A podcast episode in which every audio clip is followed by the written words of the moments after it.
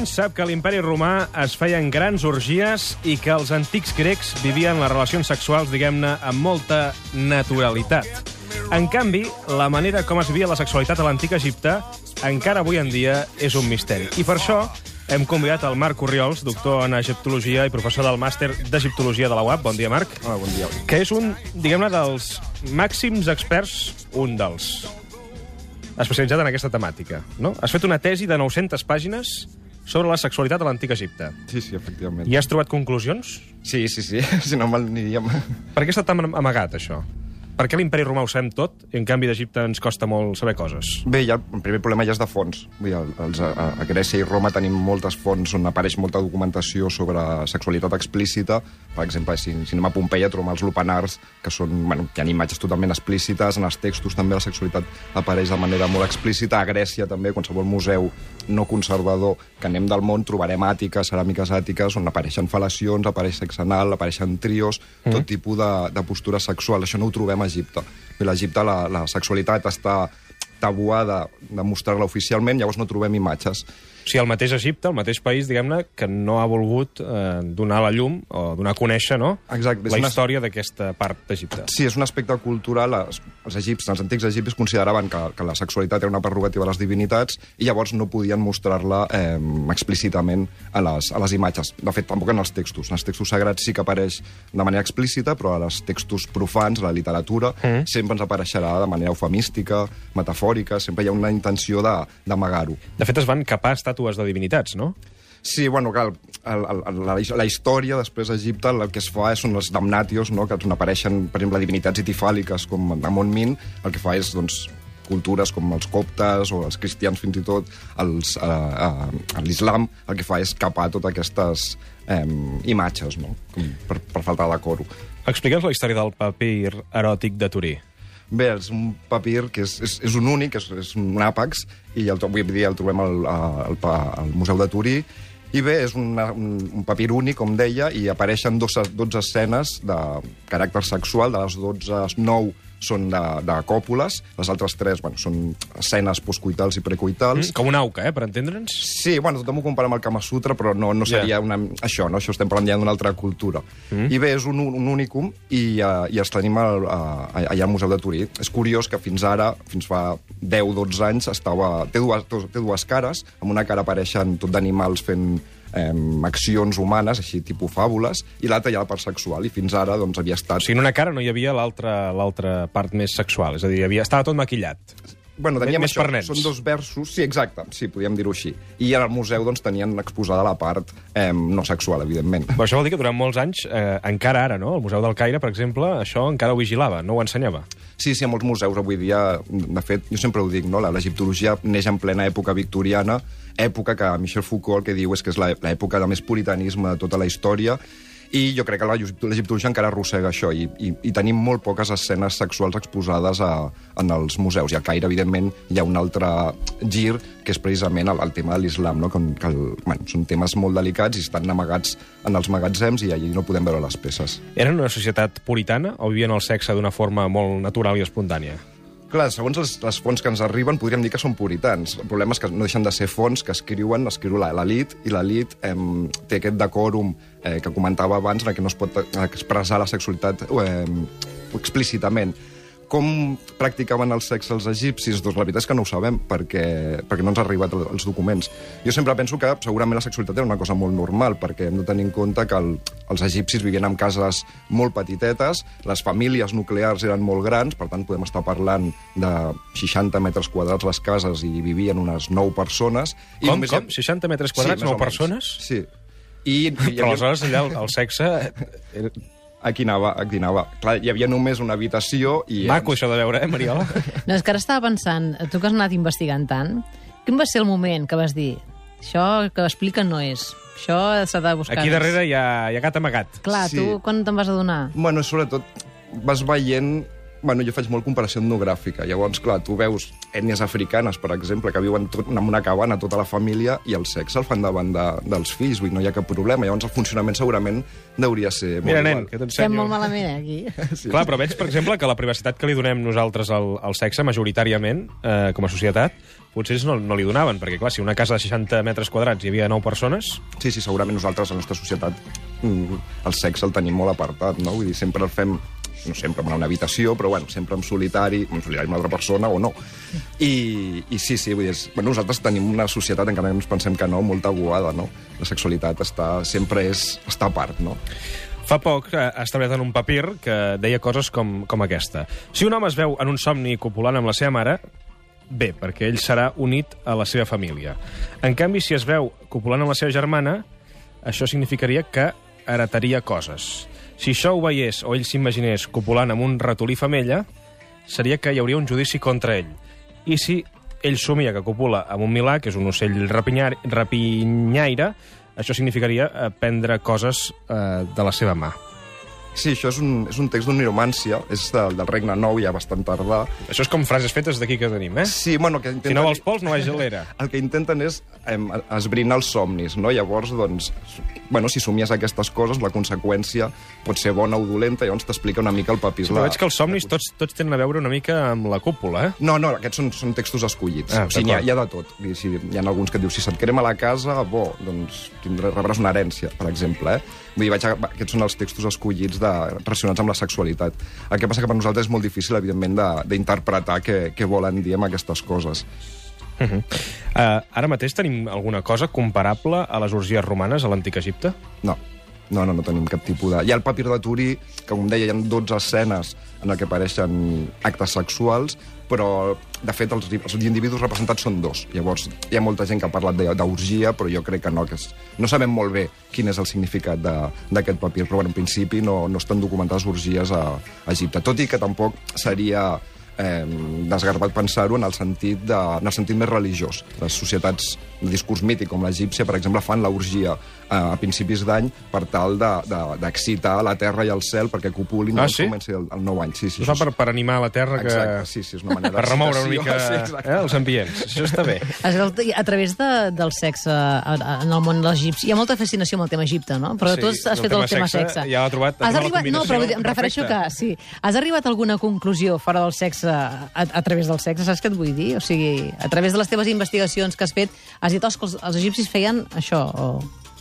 Es pintaven el peu dret de Clar, color jo què sé, no, no? no, clar, sempre, clar, sempre jo el que he fet és treballat molt sobre el tema del sexe. Clar, és important perquè, per exemple, el, a la sexualitat ells la veuen igual com, com per exemple, defecar o orinar. O sigui, tot el que són accions fisiològiques, totes estan No, tabuades. és que per fet- salut, per salut s'ha de, s'ha de, Exacte, de fer tot, no. s'ha de fer tot, si Sí, no sí. allò... Escolta, però el cànon de bellesa, per exemple, Sí, bueno, tenen el mateix que, que tenien altres? És a dir, un prototip molt clar de com ha de ser la bellesa? Sí, trobem... Bueno, de fet, quan veiem representacions tant de reis com de reines i de la gent de l'elit, és el canon de bellesa que, que tenen, que, és, que de fet és curiós perquè és molt similar al nostre. A l'home sempre es representa un home molt musculós, espatlla molt gran, cos molt triangular, i en el cas de la dona, sempre fins i tot aquí tenim textos on es diu que una mica la dona ideal ha de tenir el coll llarg, ha de tenir els pits eh, ferms, la cintura molt estreta i cadera molt ampla. Vull dir que serien, bueno, uns cànons bastant semblants als nostres, que en altres cultures no, no passa, és, és curiós. Marc, tu recordes quan et vas començar a interessar eh, primer per l'antic Egipte?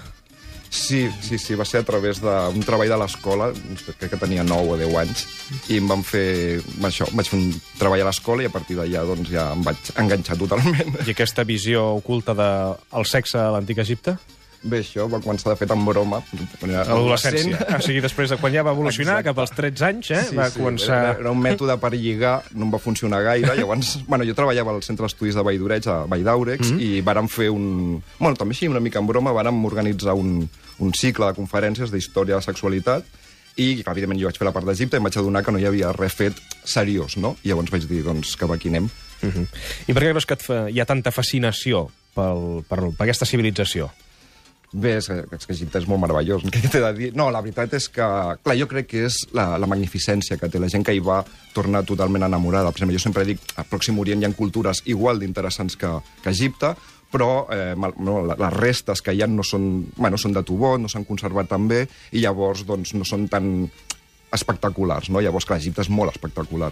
I a sobre, si t'hi poses una mica tot el tema dels jeroglífics, el tema de les divinitats, aquestes divinitats amb caps eh, d'animals... tu, tu t'hi has posat amb tot això, amb els jeroglífics i tot això? Sí, sí, sí, jo sí, faig classes de jeroglífics, també. Si saps escriure el teu nom amb jeroglífics? Sí, sí, sí. Bueno, sí, sí, més coses, sí. Molt bé, no, no, això, Sí, això sí. és, és, fascinant. No, no, però està bé, perquè Sí, això ja és, és, és entrar ja directament en el, Sí, entendre una bé. mica també la seva lògica, no? Perquè Clar, és que jo crec que si... el pensament s'estructura amb l'escriptura, no? un tant- egiptòleg, si tu no ets capaç de llegir els textos originals, no, no anem bé. Dir, Els historiadors de Grècia i Roma també han de saber llegir grec i llatí, perquè és que si no perds molta informació, no? Parlem d'Egipte, tu quantes vegades hi has estat? No en tinc ni idea, moltes, no sé, no, no, no ho sé, no ho sé. I digue'ns allò, què és el que et fascina més d'aquest país, de l'actualitat, eh? La gent, la gent és, és fantàstica. És, és... Bé, jo he, he, he, visitat diversos eh, països islàmics i jo em quedo amb Egipte. És, tenen un caràcter diferent, és, és, són, són molt divertits. I quant temps fa que hi has estat? Perquè ara la gent li fa com por, no? En Egipte viatjar, va haver-hi un moment que va haver-hi un boom de que hi havia molta gent que anava a Egipte, però ara la gent no, no, hi va tant. Sí, la veritat és que, malauradament... Però jo sempre ho dic, la gent, jo entenc que la gent tingui por, però avui dia el terrorisme és global. Llavors, bueno, jo vaig estar a París un, un mes abans de, de, dels atentats, no? Vull dir, a Barcelona mateix pot passar alguna cosa. Jo animo a la gent a que hi vagi, la gent, els egipcis ho estan passant molt malament, perquè realment és una font d'ingressos, sobretot pel poble, molt important, i, i bé, París, sí, sí que hi ha, però que tenim el mateix aquí, hi ha, hi ha tot... el- Però sí que és veritat, no?, que la gent té, té totalment. por d'anar-hi. Sí, sí. Abans em deies que també has estudiat les divinitats egipti egípcies. Eh, anem a parlar una mica d'aquestes divinitats també i la seva relació amb el sexe. Walk like an Egyptian. Diu el mite que el déu creador Atum, per crear la seva descendència, què va fer? es va masturbar. De fet, ell, ell, ell neix sol, eh, bueno, apareix sol en el, en el Nun, que és una espècie del cosmos, i evidentment està sol, i el que fa és masturbar-se. Llavors I- el que fa la- l'ejaculació, el que Sí. crea, és les dues primeres divinitats, no? que són Shu, que és el- l'aire, i Tefnut, que és la humitat, que de fet, clar, evidentment, és el, és el semen. És aire, aire i humitat, eh? Exacte, sí, sí. I eh, una divinitat va deixar embarassada una altra amb una fal·lació? Sí, sí, hi ha, hi ha un... Estic fent el capítol... Eh, ara el faig ràpid, perquè com que estem en aquest horari així estrany, però faig aquests 3 minuts finals d'intensitat, eh? Això és així. Sí, sí, sí, hi ha el mite d'Isis i Osiris. Eh, Isis reneix a Osiris a través d'una còpula i en un dels textos precisament no ho fa a través d'una còpula, sinó que ho fa a través d'una fal·lació i queda embarassada ella. Entre els déus hi havia pràctiques d'homosexuals? Sí, tenim a Horus i Set, que són dues divinitats que lluiten una mica pel, pel, per l'herència del tro d'Egipte, de, d'Egipte, i el que fa una és sodomitzar l'altra, en tant que el, el sodomitzat és el que no pot arribar al tro d'Egipte i el sodomitzador és el que reclama el tro, no? O Vull sigui, vencedor i vençut. Exacte, sí, la idea és aquesta. Sí, sí, la sodomització d'home a home eh, es veia com un acte de- d'humiliació i llavors ja quedava relegat totalment a, al tro. Escolta, i moltes vegades, quan pensem en, en déus, no, en divinitats eh, egípcies, ens venen al cap aquella cosa de la meitat homes, meitat bèsties. Això era així, realment? No, clar, evidentment no. O sigui, si això és l'imaginari que ells Sí. sí. tenen, que llavors el que fan és, bueno, associen un animal, les característiques d'un animal a aquella divinitat, llavors aquella divinitat té les característiques de l'animal. Sí, sí, evidentment és simplement una representació. Però podríem parlar de zoofília? Eh... bé- Sort que s'acosten les Sí, notícies. no, no, Per per això jo faig les preguntes intenses als últims que 3 minuts. La, la còpula que us comentava d'Isis i Osiris, sempre quan es representa, que hi ha tres representacions, ell està mort i ella està eh, a sobre en forma de milà, de la rapinyaire que comentàvem abans. De fet, des del nostre punt de vista, no només és zoofília, sinó també és necrofília, Ui, perquè ui, la divinitat ui. està morta. Escolta, ho, ho regiraven tot, eh, aquesta gent? Sí, sí, sí, no, no. I és cert la creença que diuen que les dones a l'antic Egipte eh, tenen un paper d'igualtat davant de l'home? No, no, això és una cosa que... Amb això l'he ben tret fa estona, aquest tema. Va, és molt interessant. He dit que la part intensa seria el final. Molt bé, molt bé. Perquè ara estic fent preguntes eh, Va, sí, intenses. sí, digues, digues, digues. Sempre, sempre es diu que sí, però això no, no és veritat. La dona no és com a Grècia i a Roma, on la dona sí que necessitava fins i tot un tutor per moure's en l'espai públic. A Egipte sí que la dona podia tenir accés lliure a l'espai públic, però eh, tenia, podia tenir propietats, però sempre necessitava un referent masculí. Per exemple, les vídues, quan, quan, les dones quan queden vídues, eh, queden eh, desemparades, no? i les ha d'ajudar la societat perquè els hi falta precisament aquest referent masculí. Però sí que es podien divorciar, per exemple, Sí, no? això també. Clar, Sí, això sí. era, un, era Sí, sí, sí. un privilegi que no tenien altres societats. Sí, sí, evidentment. El que passa sempre es diu eh, que hi havia igualtat, no? Llavors jo sempre dic, bueno, primer ens hem de plantejar si avui dia hi ha igualtat. Ja. No, Que segur que hi ha Cleopatra igual- era molt Cleopatra. Això és un mite, no? El que? La Cleopatra? Sí. Sí, bueno, sí. És, és la visió romana la que tenim Veus? nosaltres. És la visió romana. L'autèntica Cleòpatra devia Molt ser... referent ja avall. devia ser una altra cosa. Sí, sí, sí, la veritat. Fins i tot els romans parlen, parlen molt malament d'ella, la parlen, parlen d'ella com a prostituta, però, per exemple, diuen que parla, parlava set idiomes. Vull dir que té una part, una, segurament seria una persona molt intel·ligent i, evidentment, pel que fa fer, que jo crec que tot van ser moviments polítics, eh, doncs, bé, la veritat és que va ser una dona de unido. Cleòpatra. Un dia parlarem només de Cleòpatra perquè sí. això donarà molt, molt de sí. En tot cas, avui ens has resolt algunes coses, has desmitificat algunes altres i hem tingut una mica més clar que, que encara queda molt per investigar, no?, en això de del món egipci. Sí, sí, queda molta feina, en, en temes de sexualitat i amb altres. Jo et vull agrair moltíssim, Marc Oriols, que hagis vingut avui al suplement. És eg- egiptòleg especialitzat en sexe a l'antic eh, Egipte. Un plaer que hagis vingut avui al suplement, a parlar-ne. Moltes gràcies a vosaltres. Res, nosaltres arribem al punt de les notícies i de seguida tornant d'aquestes notícies que ens actualitzaran i que ens serviran per saber com estan les coses avui, eh, el que farem és anar cap a Calella de Palafrugell perquè avui hi ha la cinquantena cantada de veneres i estem a punt amb l'escapa, amb l'Arenyes i també els companys de mans que ja han arribat perquè avui a les 10 de la nit faran aquesta retransmissió de la cantada de Veneres, la cinquantena cantada de Veneres que per primera vegada a la seva història es faran per Catalunya Ràdio i ho faran els companys del Mans. Per tant, arribem al punt de les notícies i de seguida tornem. Som al suplement, som a Catalunya Ràdio.